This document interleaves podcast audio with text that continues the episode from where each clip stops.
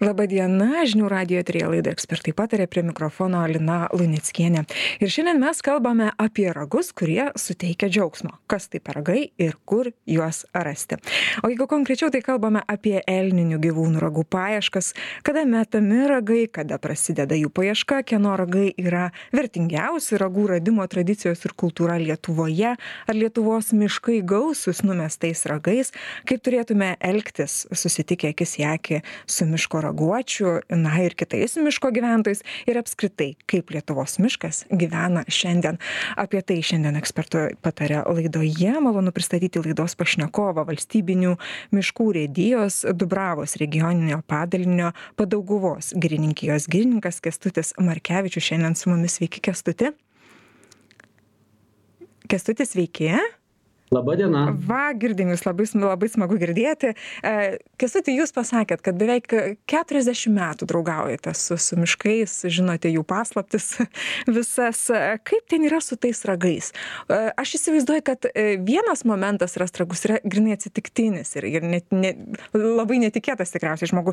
Kitas momentas tikriausiai jau yra toks labiau profes, profesionalesnis būdas. Tai tam tikri ženklai, tam, tikri, tam tikros vietos, jau čia reikia specifinių žinių. Papa papasakokit, kaip yra. Nu, žinot, elniniai gyvūnai, taurieji elniai, briedžiai, stirninai, jie ragus metą kas met. Galbūt daugelis to nežino, ar ne? Skirtingai negu vyrai, aišku, juokauju. O, o tiesiog ieškoti reikia tose vietose, kur lankosi gyvūnai. Tai šiuo metu yra laukai, kurie išeina maitintis naktimis ypatingai ir kaip pastebėjau bent jau paskutiniais metais labai daug žmonių važiuoja tiesiog švintant su žiūronais su termovizoriais stebi kurioj vietoj lankosi tie gyvūnai. Ir toliau eina palei laukus ir tiesiog randa ieško tų ragų. Ir dar toks pastebėjimas kad kur yra grioviai gyvūnas šokdamas prie griovio taip pat numeta ragą ir numetus e, jeigu krinta vienas ragas pas taurųjį elnią tai be abejo į kitas ragas jam sveria galvą tai šalia reikia ieškoti jeigu dideli ragai ir antro rago. Mhm, o pagal, mhm. o pagal laiką tai briedžiai meta gruodžio mėnesį patys stambiausi gyvūnai. E, taurieji elniai pradeda vasario mėnesį mest ragus stirninai dar anksčiau lapkričio mėnesį ir sakysim galbūt daugelis e, klausytojų nežino bet e, tie gyvūnai elniai užaugina ragus per pusę metų. Gana labai greitai įsivaizduokit to kokio dydžio ragus užsiaugina gyvūnas. Per pusę metų ir mes kalbam jau apie tą gražų vainiką didelį ar ne stambų ne ne ne tuos mažiukus kur du dvi atšakėlės. Per pusę metų tokią vat karūną turi briedis. Be abejo jauni jauni ragai e, jauni gyvūnai užaugina taip pat per pusę metų bet sakysim būtent ir tuos didžiausius ragus kadangi gyvūnas yra kuo didesnis iki brandos iki dešimties metų jisai užaugina tai ką jūs sakot didėją didžiąją karūną didžiuosius ragus. Ir vėl numeta po pusmečio. Kęstuti jūsų vat istorijoj jūsų gyvenime kokią didžia kokią kokius didžiausius žmogus esat e, radęs? Čia gal kad įsivaizduotų klausytojai tai nežinau gal apimtį kokią ar svorį? Pagal ką įvairiai įvairiai žinokit skaičiuojama yra pagal svorį e, e, tauriojo elnio ragas jeigu jisai sveria penkis šešis kilogramus tai jis yra labai stambus jau stambaus gyvūno. Taip pat ir briedžio o šakų skaičius skirtingai nes skirtingi ragai yra. Briedžių yra šakutaragiai yra mentiniai ragai tauriojo elnių yra žinot šakoti visai skirtingi.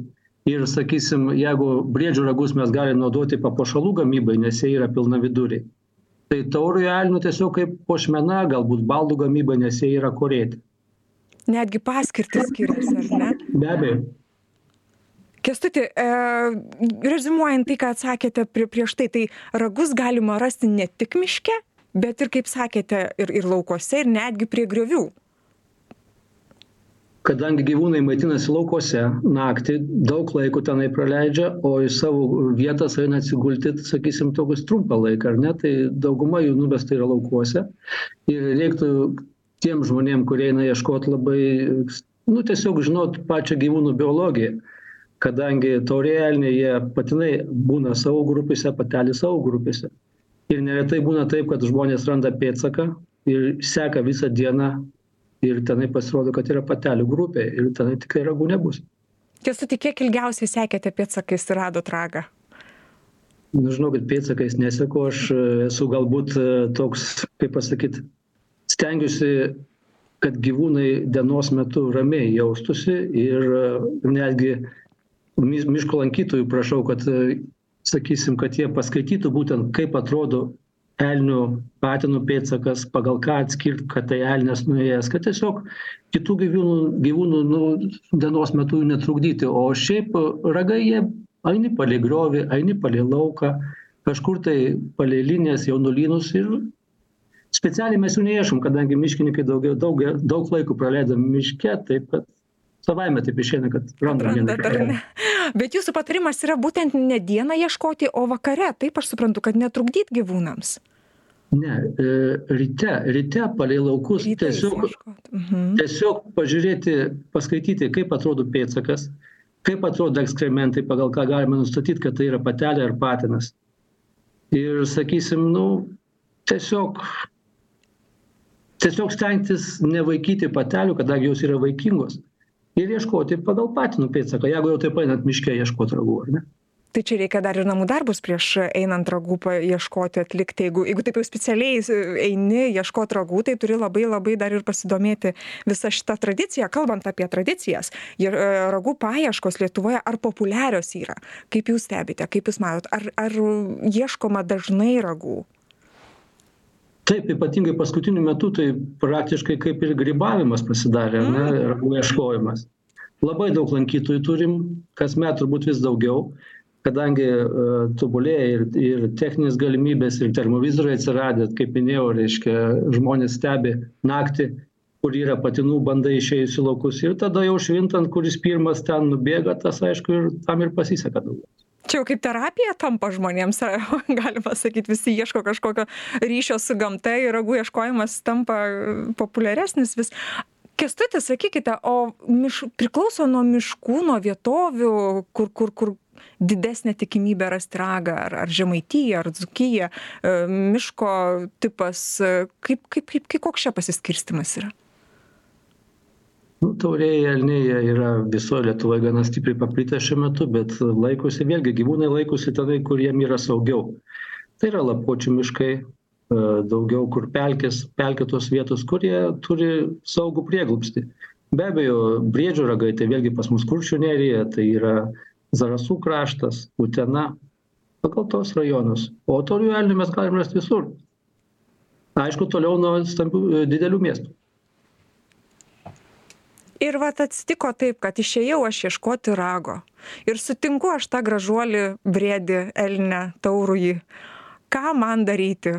Bijau bijau kaip nežinau kas. Ką daryti? Jis žiūri į mane jis į svečią miško. Ir ir va ką dabar žmogui daryti tokiu atveju? Patikėkit nei vienas gyvūnas nėra plėšresnis už žmogų turbūt ar ne? Taip kad mes esam pats turbūt mūsų visi bijo ar ne? Ir visa laukinė gamta jie tikrai pasitrauks iš kelių pabėgs pasikavos. Nebus taip kad kad pultų ar ne? Čia galbūt tiktai vėlgi čia jau liečia rujos metu jie truputėlį nelabai prognozuojami būna per rują bet per rują jie ragų nemeta ir dar toks pastebėjimas jeigu lankytojai miške randa kritusį gyvūną tai yra kad ir raguoti ar ne gražūs ragai su kaukole tai tiesiog praneškit plotų naudotojam ar aplinkosaugai kadangi tai yra jau kitokia truputėlį kategorija jau tai yra nenumestas trofėjus bet yra kritęs ar žuvęs ar subrakonieriautas gyvūnas tai tą reikėtų žinoti tai sutikus e, raguoti tiesiog Nebijoti. Nebijoti palidėti su šypsena ir, ir, ir netrukdyti jam toliau eiti jo, jo keliu. O jeigu ne raguotis o o kokių gyvūnų labiausiai miške reikėtų na kaip pasisaugot vengti jokiais būdais ne neit prie jų? Neiti prie jauniklių. Pamatėt jauniklį ir ramiai pasitraukit. Joks kaip sakau joks gyvūnas nepuls tikrai žmogaus nebent jau bus labai maži šerniukai bus kažkur tai ten e, lizde ar kai kažkas tokio ir jūs jūs tada sudrumsit jų ramybę. Tada žinoma kiekviena mama puls gin gint savo kūdikį ne? O o šiaip pamatę gyvūną stebėkite būkite ramiai ir tas gyvūnas pats pasitrauks nuo jūsų ramiai man visą laiką toksai klausimas tai prisimenant tuos ragus ar jiems skauda kai jie, Ar skauda? ar skauda, kai jie, kai jie praranda tą, tą ragą? Na, na, mums kaip nagus lupa, taigi nežmoniškas skausmas. O kaip, su, kaip, kaip gyvūnai su ragais yra? Nežinau, ar jūs esat, tikriausiai, jeigu taip tiek metų su mišku draugaujate, tikrai viską žinot. Žinot, jisai tiesiog ateina, tai yra nu, biologija, tas ragas, jisai būtent ateina tas momentas, kai bet turi pradėti kiti ragai aukti, ar ne, ir jisai tiesiog nukrenta. Ir tuo momentu jam neskauda, jam tiesiog ten niešti, jisai, jisai trinasi į krūmus, trinasi į medžius, stengiasi numesti tuos ragus, nes jam niešti turi aukti, pradėti aukti kiti ragai, ar ne? Ir kaip minėjau, jeigu stambų ragą numeti, tai radot tą didelį ragą, ar ne, tai ieškokit šalia ir kito, kadangi jam galvas vers į vieną pusę, jisai šalia kažkur tai daužys, ar ten į žemę kiš, ar į krūmus daužys. Ir pastebėjot, pastebėjot turbūt miške, kad būna nutrinti krūmai, nutrintos, e, sakysim, e, e- eglės, ki- kiti medžiai, tai vėlgi tai yra ir metimų laikotarpiu tai vyksta, ir tai vyksta tuo laikotarpiu, kaip gyvūnas valosi pantus. Mes miškininkai truputėlį pykstam dėl šitų dalykų, aišku, bet niekur nedingsi gamta. Supratau, žiūrėkit, Kestutė, na, e, mes su miškais e, lietuviai labai didžiuojame savo miškais, ar ne? E, Tikrai jų gausa, jų, jų, jų, jų grožių. Kaip yra šiandien su mūsų miškais? A- Ar mokame saugoti šį savo unikalų turtą, žaliai savo, savo deimantą? Ką jūs stebite? Ar mes galų gale mokame, mokame miške elgtis? Ką jūs pastebit? Linutė, žinot, aš visą laiką sakau ir lankytojams, pasitikėkit miškininkais. Miškininkai, jie tikrai žino savo darbą, žino, kaip reikia tuos miškus prižiūrėti, puoselėti, naudoti, atsudinti. Ir e, tai to paties prašom ir mūsų lankytojų. Ką, ką pastebiu paskutiniu metu, iš tikrųjų šiukšlių mažėja, tai jau yra smagu. Gal po truputėlį pradėsim civilizuotai žiūrėti, nes anksčiau būdavo miškas, na, nu tai miškas ten bet ką padėsim, reiškia, o paskui tada šiukšlis dingsta ir niekas nesupranta, kad tai tie patys miškininkai eina ir renka. Aišku, stengiamės pagauti tą pažeidėją, bet ne visą laiką pavyksta. O kas liečia mūsų miškus, nu tai pasidžiaugim. Tikrai turim puikius miškus, gražius gy- ir su gyvūnais, ir visi ten rasime prieglobstį, ir polsi, ir be abejo atsipalaidavimą miške. Kestuti, na tikrai tas miškų kirtimas irgi jautri tema yra, man, pavyzdžiui, irgi visą laiką taip atrodo, na skauda, kad kaip matau iškirstus miškus.